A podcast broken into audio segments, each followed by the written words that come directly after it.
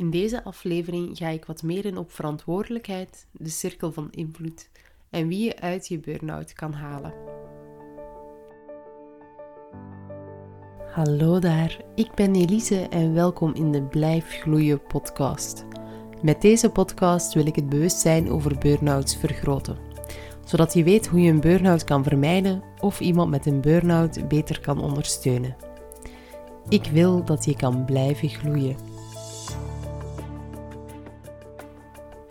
Hey, hallo daar. Fijn dat je weer luistert naar deze nieuwe podcastaflevering.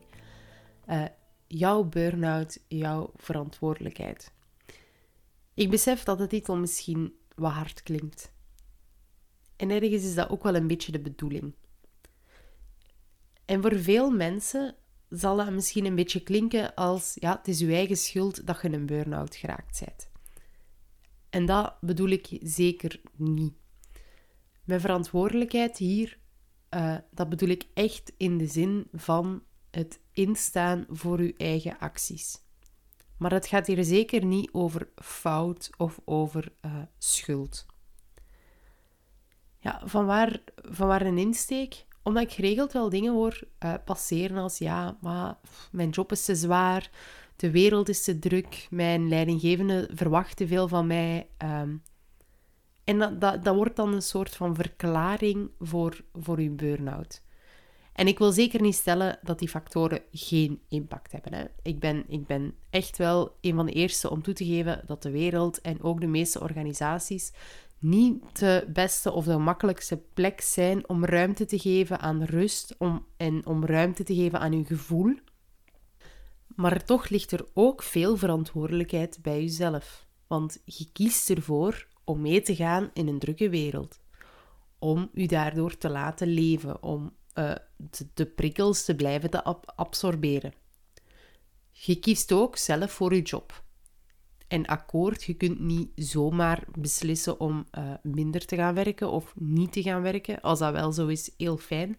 Maar de, voor de meeste mensen geldt dat niet. Want er moeten rekeningen betaald worden. Maar er zijn wel een aantal zaken die, dat je, die je zou kunnen doen. Um, je zou een andere job kunnen zoeken. Misschien. Misschien een die minder opbrengt, maar dan zou je je eigen rekening wel een keer kunnen maken. En, en kijken of dat je ook niet zou toekomen met een leukere, misschien minder betaalde job, of met bijvoorbeeld minder te gaan werken.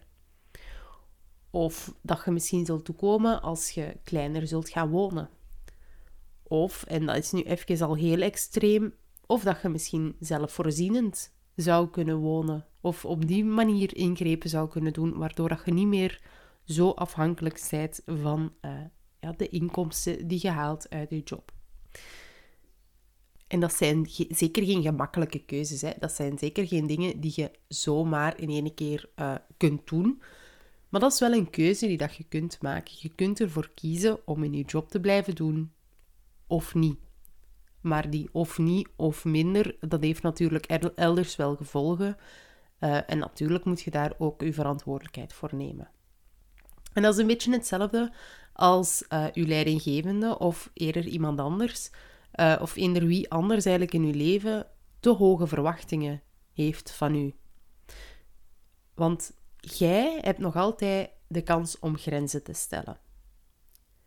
En het, het lijkt misschien dus wel dat de omgeving een beetje alle macht heeft om uw burn-out al dan niet te voorkomen. Je hebt hier zelf echt wel een verantwoordelijkheid in te nemen. Maar dat wil niet zeggen dat het uw schuld is of uw fout is dat je een burn-out hebt gehad. Want op dat moment, stel dat je nu een burn-out hebt, op het moment dat het nodig was, of dat je die keuzes, die moeilijke keuzes moest maken, had je waarschijnlijk niet de juiste tools om hiermee om te gaan. En dat bedoel ik niet alleen financieel, je had niet het geld om bijvoorbeeld minder te gaan werken, maar ook mentaal, dat je niet um, ja, de juiste kracht bezat of de juiste inzichten bezat om bepaalde keuzes te kunnen of te durven maken. Je hebt gehandeld naar wat je op dat moment kon. En dat stukje van verantwoordelijkheid maakt het ook lastig om aan de zijlijn te staan van een burn-out. Um, als jij je naaste wilt helpen, Bijvoorbeeld, je wilt iemand behoeden voor een burn-out of je wilt iemand helpen herstellen van een burn-out. Ja, dan weet je vaak al niet zo goed wat dat je kunt doen. Alle verantwoordelijkheid die je daar kunt nemen, alle dingen die je wel kunt doen, die voelen dan ook al snel aan als, als uw fout. Want misschien had je eerder bepaalde dingen kunnen of moeten doen. En de dingen die je kunt doen, die zijn vaak ook heel beperkt. Want je kunt nog zo goed zijn in het ondersteunen en begeleiden van een persoon met een burn-out. Of een persoon die uh, ja, afstevend op een burn-out. Als die persoon zelf niet wil, zelf geen actie gaat ondernemen, zelf geen verantwoordelijkheid gaat opnemen, dan staat je machteloos. Dan kun je helemaal niks ondernemen. En dit is ook een beetje ja, mijn, mijn nieuwe invalshoek. Ik heb het hier alles vermeld. Ik, ik noem mezelf eerder burn-out omgevingscoach dan uh, burn-out coach, omdat ik mij ook wil richten op die omgeving, op de mensen die aan de zijlijn staan en proberen iemand uh, te helpen een burn-out te vermijden of te helpen te herstellen van een burn-out. Om een deel van die machteloosheid misschien wel te kunnen weghalen, heb ik een webinar dat als alles goed gaat uh, dit weekend gegeven wordt. En uh, de titel daarvan is Hoe iemand met een burn-out ondersteunen. Daarin ga ik echt wat dieper in over uh, op wat dat je kunt doen als je ernaast staat. Dus als naaste van iemand met een burn-out, om iemand met een burn-out te ondersteunen. Dat is een gratis webinar dat ik uh, voorlopig twee keer geef, op 29 april en op 3 mei. Je kunt je daarvoor inschrijven via www.blijfgloeien.be. Ik voeg de exacte link ook nog toe in de show notes. Nu, um, luistert je na 3 mei en denkt je, Ju, daar had ik eigenlijk wel graag bij willen zijn, stuur mij een berichtje via Facebook, via Instagram of een mailtje naar elise.blijfgloeien.be. Maar goed, dit uh, even terzijde. We waren bezig over burn-out, verantwoordelijkheid, hoe dat de uh, wereld echt wel druk is en u het moeilijk maakt om in te tunen met uw gevoel en moeilijk maakt om rust te nemen. Maar je kunt de wereld niet veranderen, maar je kunt jezelf wel rust gunnen. Want die wereld, ja, die ligt in uw cirkel van betrokkenheid. En daarin zit alles waar je mee te maken krijgt. Maar daarnaast is er ook een, een cirkel van invloed. En daarin ligt alles, die overlappen een beetje, maar daarin ligt alles waar je wel impact op kunt uitoefenen. En dat zijn twee begrippen die komen uit het boek van Stephen Covey, The uh, Seven Habits of Highly Effective People. En in zijn boek stelt hij eigenlijk dat succesvolle mensen zich vooral focussen op die cirkel van invloed. Op net die zaken waar ze controle over hebben. Want ja, als je eigenlijk enkel focust op die andere cirkel, de cirkel van betrokkenheid, dan zijt je eerder aan het klagen. En een voorbeeld daarvan is, ja, je wasmachine stuk. En je kunt dan kiezen om in die klaagmodus te gaan en bezig te zijn over de dingen van je uh, cirkel van betrokkenheid. Zoals, oh, dat overkomt mij altijd, die mensen hebben mij rommel verkocht. Uh, en je zult zo nog wel wat dingen kunnen bedenken. En waarschijnlijk ga je dat ook wel doen. Waarschijnlijk ga je daar ook wel even over klagen, want heb je dat nodig om even te ventileren. Maar het is wel belangrijk dat je niet blijft hangen in dat klagen. En dat je toch een actie gaat ondernemen. En dat kan zijn misschien dat je die, uh, dat wasmachine zelf kunt repareren, maar misschien kun je dat ook niet. En dan zou je actie kunnen zijn om een technieker te bellen om dat voor u te doen, of uh, om eens naar de winkel te bellen om te kijken of dat er nog garantie is. Maar eerst ja, zou je dus wel even kunnen klagen. Maar daarbij zit er een verschil tussen ventileren, wat dat echt even stoom aflaten is om uh, ja, de stress er een beetje uit te laten. Maar je kunt ook gaan rumineren. En ik vind dat een enorm mooi woord, maar dat betekent eigenlijk herkauwen. En als je een probleem gaat rumineren, dan blijf je er eigenlijk maar over piekeren en dan blijf je er eigenlijk maar over klagen. In het geval van dat kapot wasmachine ga je waarschijnlijk blijven denken, oh, wat zou de oorzaak kunnen zijn? Wat, wat moet je hier nu aan doen? En dat ga je niet doen totdat je lessen eruit getrokken hebt. En verder kunt gaan. Bijvoorbeeld, oh, ik mag die uh, papieren niet in mijn broek laten zitten. Of, um, ah, ik moet uh, ja, iemand bellen om mijn wasmachine te komen maken. Maar dat gaat je doen totdat je minstens 30 lessen eruit hebt gehaald en dan nog een beetje verder, want hè, wie weet wat zou er nog allemaal wel niet kunnen gebeuren. En rumineren, dat zorgt er wel voor dat stress zich kan blijven uh, opstapelen. En dat heeft natuurlijk gevolgen. Maar kiezen om uh, te focussen op die cirkel van invloed en om uh, te kiezen om actie te ondernemen en niet te vervallen in klagen en rumineren, dat is, dat is best moeilijk. En waarom is dat zo moeilijk? Omdat uw brein, om energie te besparen, altijd de gemakkelijkste weg zal willen kiezen. En de gemakkelijkste weg, ja, dat is klagen in plaats van actie ondernemen. En als je dat wilt doorbreken, zult je regelmatig dat zelf actief die shift moeten maken en ja, jezelf of je brein moeten overtuigen van nee, ik ga toch, ik ga toch een actie ondernemen. En dan ga je echt je brein moeten vertellen van ja, je mocht wel even wat meer moeite doen om hier iets op te lossen. Je gaat dat echt actief moeten uh, ja, vertellen eigenlijk aan je brein. Een goede oefening die, die mij hier ook wel bij helpt, is om altijd de kleinst mogelijke actie te gaan zoeken. De kleinst mogelijke actie te gaan definiëren en van daaruit verder te gaan. Want dat zorgt ervoor dat er minder weerstand is. De actie of de eerste actie die dat je dan gaat willen ondernemen, die, uh, ja, die is dan veel kleiner. Dat, dat roept veel minder weerstand op en dat maakt het ja, gemakkelijker voor je brein om uh, te shiften naar die actie in plaats van te blijven klagen. De kleinst mogelijke actie uh, in het voorbeeld, dat zou dan zijn van eh, een, de technieker bellen voor uw wasmachine. Dat is waarschijnlijk al een vrij grote actie, maar een kleine actie zal dan misschien zijn het telefoonnummer opzoeken. Of misschien zelfs nog kleiner eerst beslissen welke maatschappij dat je gaat bellen. Dus door die dingen veel uh, in veel kleinere stappen eigenlijk op te, uh, op te delen, maakt het je brein ook gemakkelijker om uh, voor die actie te kiezen en niet voor het klagen.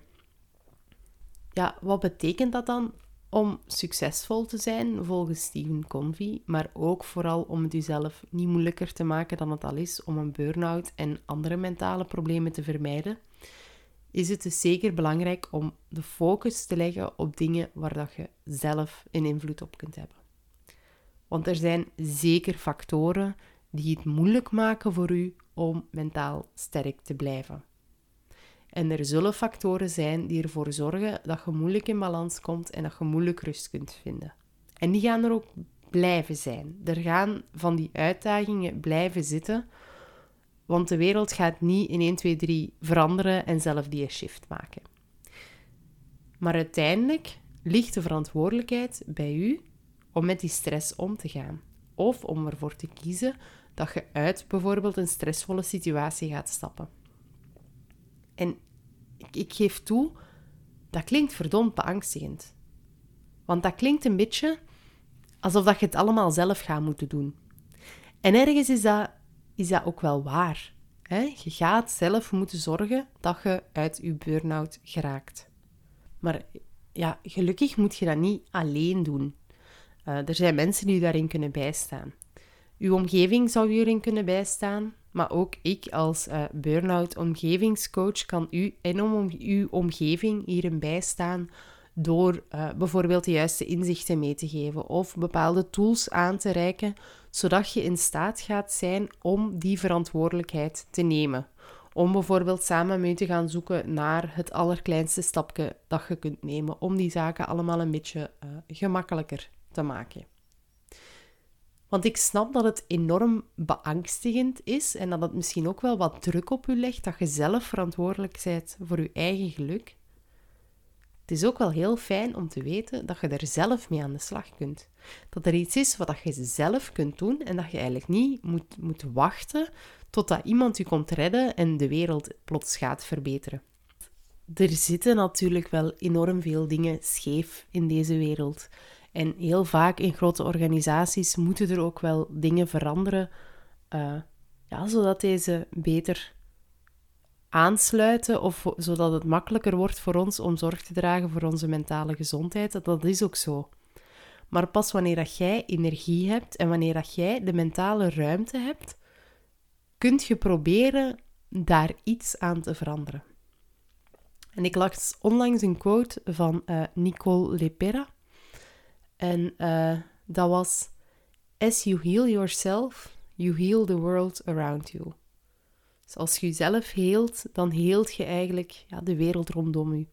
En daar geloof ik ook wel heel sterk in. Want je hebt zelf de macht, de verantwoordelijkheid, maar ook de macht om jezelf te helen, om zelf sterker te worden. Uh, al dan niet met hulp. Maar als je zelf daar sterk in staat, als je zelf geheeld zijt, dan gaat dat ook afstralen op de mensen rondom je. En dat gaat ook maken dat je die mensen beter gaat kunnen bijstaan in hun eigen uh, helingsproces, in hun eigen herstelproces. Dat je die mensen gaat kunnen helpen om zelf sterker te staan. En zo gaat je stapje voor stapje eigenlijk de wereld beter maken en vergroot je ook stapje voor stapje je invloed. Merkt je nu dat je klaar bent om je verantwoordelijkheid op te nemen? Ehm, om zelf uit je burn-out te komen, om uh, zelf sterk te staan, om iemand te ondersteunen, eventueel om uit zijn burn-out te komen. Maar heb je nog geen idee hoe dat je daaraan kunt beginnen? Kijk dan zeker eens op www.blijfgloeien.be. Want hoewel dat anderen nu wel gaan kunnen bijstaan, dat anderen nu wel gaan kunnen ondersteunen uh, in uw herstel, blijft het wel uw burn-out, uw verantwoordelijkheid.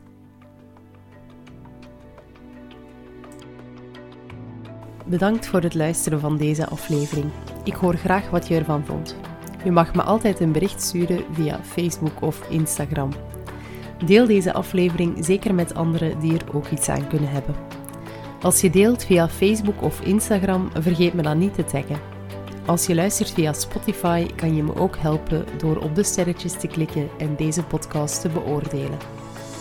Tot de volgende keer in de Blijf Groeien podcast.